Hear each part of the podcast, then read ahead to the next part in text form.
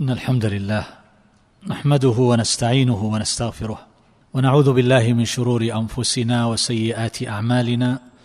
من يهده الله فلا مضل له ومن يضلل فلا هادي له وأشهد أن لا إله إلا الله وحده لا شريك له وأشهد أن محمدا عبده ورسوله صلى الله وسلم وبارك عليه وعلى آله وصحبه أجمعين. أما بعد فسلام الله عليكم ورحمته وبركاته. في هذه الليلة أيها الأحبة نواصل الحديث عن بعض المسائل المتعلقة بالذكر. من هذه المسائل ما الحكم في الزيادة على العدد الوارد تقييد الذكر به؟ إذا جاء الذكر مقيدا بعدد من قال كذا وكذا كذا مرة كالتسبيح الذي يكون بعد الصلاة تكبير والتحميد وهكذا أيضا فيما ورد أنه يقال ثلاث مرات أو غير ذلك من الأعداد. فهل تشرع الزيادة؟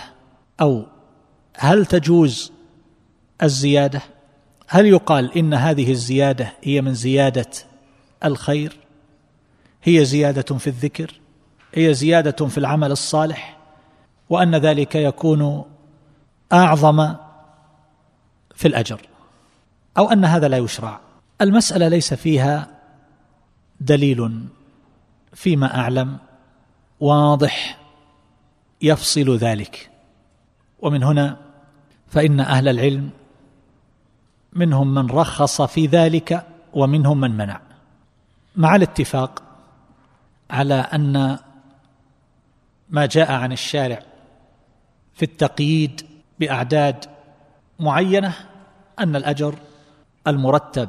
على ذلك يحصل عند ذكر هذا العدد لكن لو زاد. أو أن الأثر يحصل عقب هذا المرتب على عدد لكن لو زاد هل يقال إن ذلك من قبيل المخالفة للسنة؟ هل يقال إن الأثر المرتب على ذلك إما من الأجر وإما من كون الإنسان يحصل له وقاية مثلا بسبب بعض الأذكار فيما قضاه الله عز وجل وقدره ورتبه على هذه الأمور. النبي صلى الله عليه وسلم يقول من سبح الله في دبر كل صلاة ثلاثا وثلاثين وحمد الله ثلاثا وثلاثين وكبر الله ثلاثا وثلاثين فتلك تسعة وتسعون. وقال تمام المئة. لا إله إلا الله وحده لا شريك له. له الملك وله الحمد وهو على كل شيء قدير. غفرت له خطاياه وإن كانت مثل زبد البحر. هنا ذكر عددا. ثم ذكر مبلغ هذا العدد بمجموعه. ثم ذكر ما يتممه إلى المئة. ثم ذكر ما يترتب عليه. فهذا كله يشعر أن هذا العدد مقصود وأن المكلف عليه أن يتقيد به. ومن هنا قال بعض أهل العلم بأن هذه الزيادات لا تشرع وأن المكلف عليه أن يقف عند العدد المحدد. وإن كانوا يتفقون على أن ما وقع على سبيل الخطأ فإنه مغتفر. ربنا لا تؤاخذنا إن نسينا أو أخطأنا. قال الله في الحديث القدسي قد فعلت. فالله تجاوز لهذه الأمة عن الخطأ. ولكن إذا قصد إذا تعمد فماذا يقال في حقه؟ بعض أهل العلم قالوا لا يشرع كبعض الحنفية وغيرهم.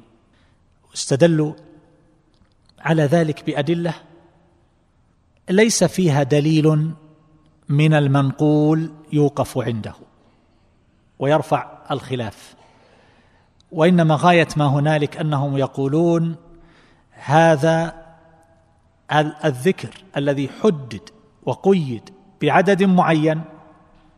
إذا رتب عليه ثواب مخصوص فإنه إذا زاد لا يترتب عليه هذا الثواب. لماذا؟ قالوا لأن هذا العدد الذي ذكره الشارع قد يكون له خاصية ينتج عنها هذا الأثر. إما من الأجر وإما من الوقاية مثلا التي رتبت عليه. فتفوت الحكمة التي قدرها الشارع على وركبها على هذا العدد المخصوص المعين. وقالوا أيضا هذا فيه سوء أدب مع نصوص الشرع. الشارع يقيد بعدد معين ثم يأتي من؟ يجتهد ويزيد ويقول أنا لا أقف عند هذا العدد. سأضيف عليه فيكون العدد هنا غير معتبر بالنسبة لمثل هذا. يقولون والشأن أن العظيم الأعظم وهو الله تبارك وتعالى حينما يحد الحدود ويشرع الشرائع فينبغي أن يوقف عندها. ولا يليق بحال من الأحوال أن المكلف يغير أو يبدل أو يتجاوز ما حده الشارع. وقالوا أيضا إن مثل هذه الأذكار المقيدة بعدد كالدواء بحيث إن العدد فيه والمقدار معتبر يحصل الأثر بعده بإذن الله عز وجل إما من الأجر والثواب وإما من الوقاية. فإذا زاد عن العدد اختل فيذهب أثره. لاحظوا الآن قالوا مثل المفتاح إذا زيد في الأسنان لم يفتح. فهذه مفاتيح وهي بمنزلة الدواء لا يزاد عليه في المقدار ولا ينقص.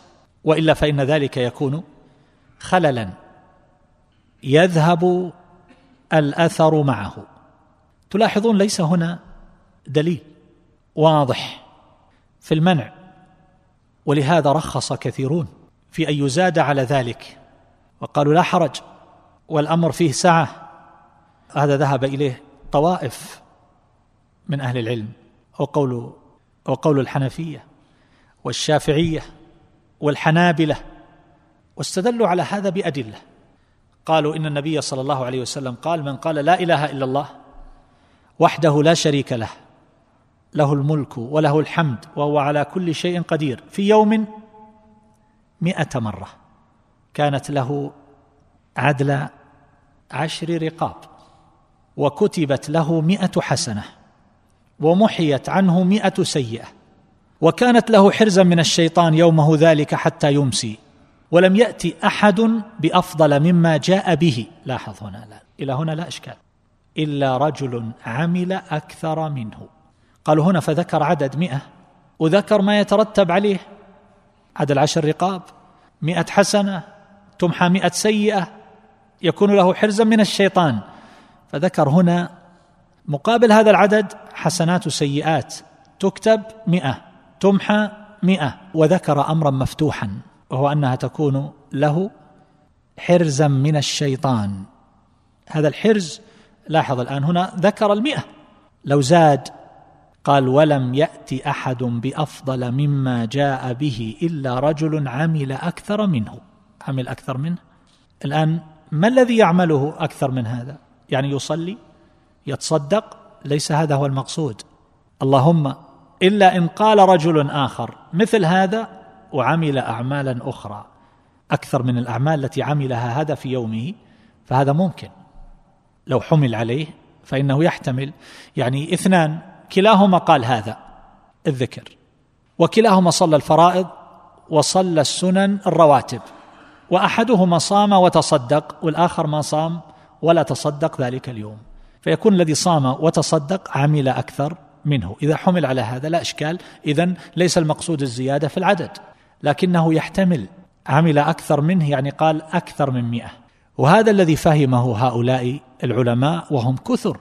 قالوا لو زاد فهو أفضل من هذا الذي قال مئة. وقالوا أيضا بأن هذا مثل فمن تطوع خيرا. فإذا زاد في مقدار الزكاة أخرج أكثر من الواجب فهو مأجور. وهكذا. لاحظوا الآن المسألة تحتمل. المسألة تحتمل. الحافظ بن حجر ذكر تفصيلا فيها. حاول أن يجمع بين القولين. وحاصل ما ذكر. يقول يمكن أن يقال بأنه يلتزم بالعدد المذكور ويقف تعبدا لله عز وجل هنا ليحصل الأثر فيكون قد جاء بالمشروع. ثم بعد ذلك يأتي بزيادة ينوي بها بعد الإتيان بالمشروع الذي يترتب عليه الأثر أنه قاله كذا وكذا مرة. ثم يأتي بالزيادة لكن بغير نية على الزيادة في المشروع في العدد المشروع. يعني هو ينوي أن يأتي بالعدد المقدر شرعا فيأتي به. فإذا استتم ذلك ثم بعد ذلك يزيد بغير نية. بغير نية؟ يعني غير نية الثواب المرتب على العدد المعين. يعني يأتي بالعدد كما أمر كما قيد ينوي به حصول هذا الأثر المرتب. فإذا انتهى. له أن يزيد بنية أخرى. إن هذا ذكر أريد أن أزيد منه. لا على أن ذلك مما ترتب عليه الأثر المعين. من قاله كذا مرة حصل له كذا. وإنما يقصد بذلك زيادة الذكر لأن هذا من جملة الذكر فيكثر من ذكر الله عز وجل فيكون له نيتان. النية الأولى الإتيان بالذكر المقيد المقدر بعدد معين بهذه النية. حتى يستتم. ثم نقطة. ثم بعد ذلك له أن يزيد بنية أخرى غير النية الأولى. نية أخرى يعني من باب الذكر المطلق. يريد أن يسبح. قال كل واحدة ثلاثا وثلاثين وقال تمام المئة لا إله إلا الله وحده لا شريك له إلى آخره. خلاص هذا اللي الآن رتب عليه أو هذا الذي قيده الشارع بعدد. جاء به أراد أن يكثر من ذكر الله فزاد. بنية أخرى. الحافظ بن حجر يقول مثل هذا. يمكن أن يترتب عليه الثواب والأثر لكن لو زاد بنية الزيادة على العدد الذي قدره الشارع ليترتب عليه الأثر المذكور وزيادة. يقول هنا في هذه الحال يتجه عدم الثواب. على كل حال إذا أردنا أن نحتاط لأنفسنا ونخرج من هذا كله والأمر الحمد لله عندنا فيه سعة بأذكار نقولها مطلقة أن ما قيده الشارع بعدد معين نتقيد به. شك الإنسان هل بلغ العدد أو نقص واحدة أو نحو يأتي بواحدة يبني على اليقين. لكن لا يتعبد لله عز وجل بالزيادة لأن الشارع حينما شرع هذه الأذكار بهذه الألفاظ قيد ذلك بعدد وبوقت أحيانا فنتقيد بما قيدها به الشارع. وعندنا مجال واسع للذكر المطلق يلهج اللسان به صباح مساء. هذه مسألة. هنا مسألة أخرى تتعلق أيضا بالتقيد بالأذكار الواردة. ما الحكم لو أنه غير لفظه؟ أبدل لفظه مما لا يقلب المعنى ولا يؤثر فيه تاثيرا. يغير المعاني. هل يلتزم بالألفاظ الواردة أو لا؟ العلماء رحمهم الله متفقون على أن أجل الذكر وهو القرآن لا يجوز التصرف في ألفاظه. يعني لا يمكن الإنسان أن يذكر آية بالمعنى أو أن يغير لفظة فيها لأنه لا يحفظ كما ينبغي. كذلك أيضا يقولون ما قصد الشارع التعبد بألفاظه قصدا ليس للإنسان أن يغير فيه. ألفاظ الأذان الإقامة تكبير تكبيرة الإحرام تكبيرات الانتقال ليس له أن يأتي بلفظة. يقول مثلا ربي أكبر. بدل ما يقول الله أكبر. ربنا أكبر. أو يقول الله الكبير. بدل ما يقول أكبر يقول ربنا الكبير. أو يقول ربنا الأكبر. أدخل ال هل له هذا؟ الصلاة على النبي صلى الله عليه وسلم في التشهد علمنا النبي صلى الله عليه وسلم إياها وقصد الألفاظ. كما يعلمنا السورة من القرآن. فهل له أن يغير ويقول مثلا اللهم صل على سيدنا محمد وعلى آل محمد ويأتي بها كما جاءت زاد سيدنا. هل له هذا أو لا؟ ما قصد الشارع التعبد بلفظه اتفقوا على أن هذا لا يغير ولا يبدل. نأتي به كما ورد ولا يجزئ غير هذا. لكن ما عدا ذلك هل له أن يغير أو لا؟ الآن الصلاة قال النبي صلى الله عليه وسلم صلوا كما رأيتموني أصلي. اذا نتقيد بما ورد. أقوال الصلاة وأفعال الصلاة كما لا يغير في أفعالها وهيئاتها لا يغير في أقوالها فيؤتى بها على الوجه المشروع. لكن ما عدا ذلك هل يجوز التبديل؟ هذه المسألة لها تعلق بقضية رواية الحديث بالمعنى. الذين قالوا لا يروى الحديث بالمعنى قالوا لا فيها الأذكار ولا في غير الأذكار. يأتي بها كما ورد. الذين قالوا يجوز الرواية بالمعنى. قالوا أصلا اختلاف هذه الألفاظ في الروايات كما نجد يدل على أن الصحابة تصرفوا أنهم رووا بعضها بالمعنى ولذلك تجد الألفاظ تتفاوت في الروايات الصحيحة. فالذين رخصوا في الرواية بالمعنى قالوا لا بأس ولا إشكال. فهنا وسعوا ذلك ما لم يترتب على ذلك تغيير المعاني إذا كان عارفا بما يحيل الألفاظ ولم يكن هذا التغيير يحمل معنى مخالفا. الذين منعوا من ذلك استدلوا بحديث صحيح ثابت عن رسول الله صلى الله عليه وسلم هو الحديث المشهور حديث البراء ابن عازب رضي الله عنه أن النبي صلى الله عليه وسلم قال له إذا أخذت مضجعك فتوضأ وضوءك للصلاة ثم اضطجع على شقك الأيمن ثم قل اللهم إني أسلمت وجهي إليك وفوضت أمري إليك وألجأت ظهري إليك رغبة ورهبة إليك لا ملجأ ولا منجأ منك إلا إليك. آمنت بكتابك الذي أنزلت ونبيك الذي أرسلت. فإن مت من ليلتك فأنت على الفطرة واجعلهن آخر ما تتكلم به. يقول فرددتها على النبي صلى الله عليه وسلم. فلما بلغت اللهم آمنت بكتابك الذي أنزلت قلت ورسولك. لاحظ بدلا من ونبيك. الرسول أبلغ من النبي فالرسول نبي وزيادة. فبدل هذه اللفظة بلفظة أبلغ منها. فماذا فعل النبي صلى الله عليه وسلم؟ ضرب على صدره وقال له لا امره أن يقول ونبيك الذي أرسلت. تقيد باللفظ الوارد. ومن هنا على كل حال نقول بأن الألفاظ المنقولة عن الشارع فإن اللائق أن يتقيد بما ورد. إذا ورد للحديث إذا ورد روايتان لفظتان يمكن للمكلف أن يقتصر على واحدة منهما وينظر فيما هو أوفى في المعنى. وهو في هذا معذور. من غير لفظة أسقط حرفا أو نحو ذلك مما لا يغير المعنى نرجو أن يحصل له الأجر وما يترتب على ذلك من الأثر ولكن يخرج من خلاف أهل العلم ويتحقق من تحقيق هذه الأذكار إذا جاء بالألفاظ الواردة.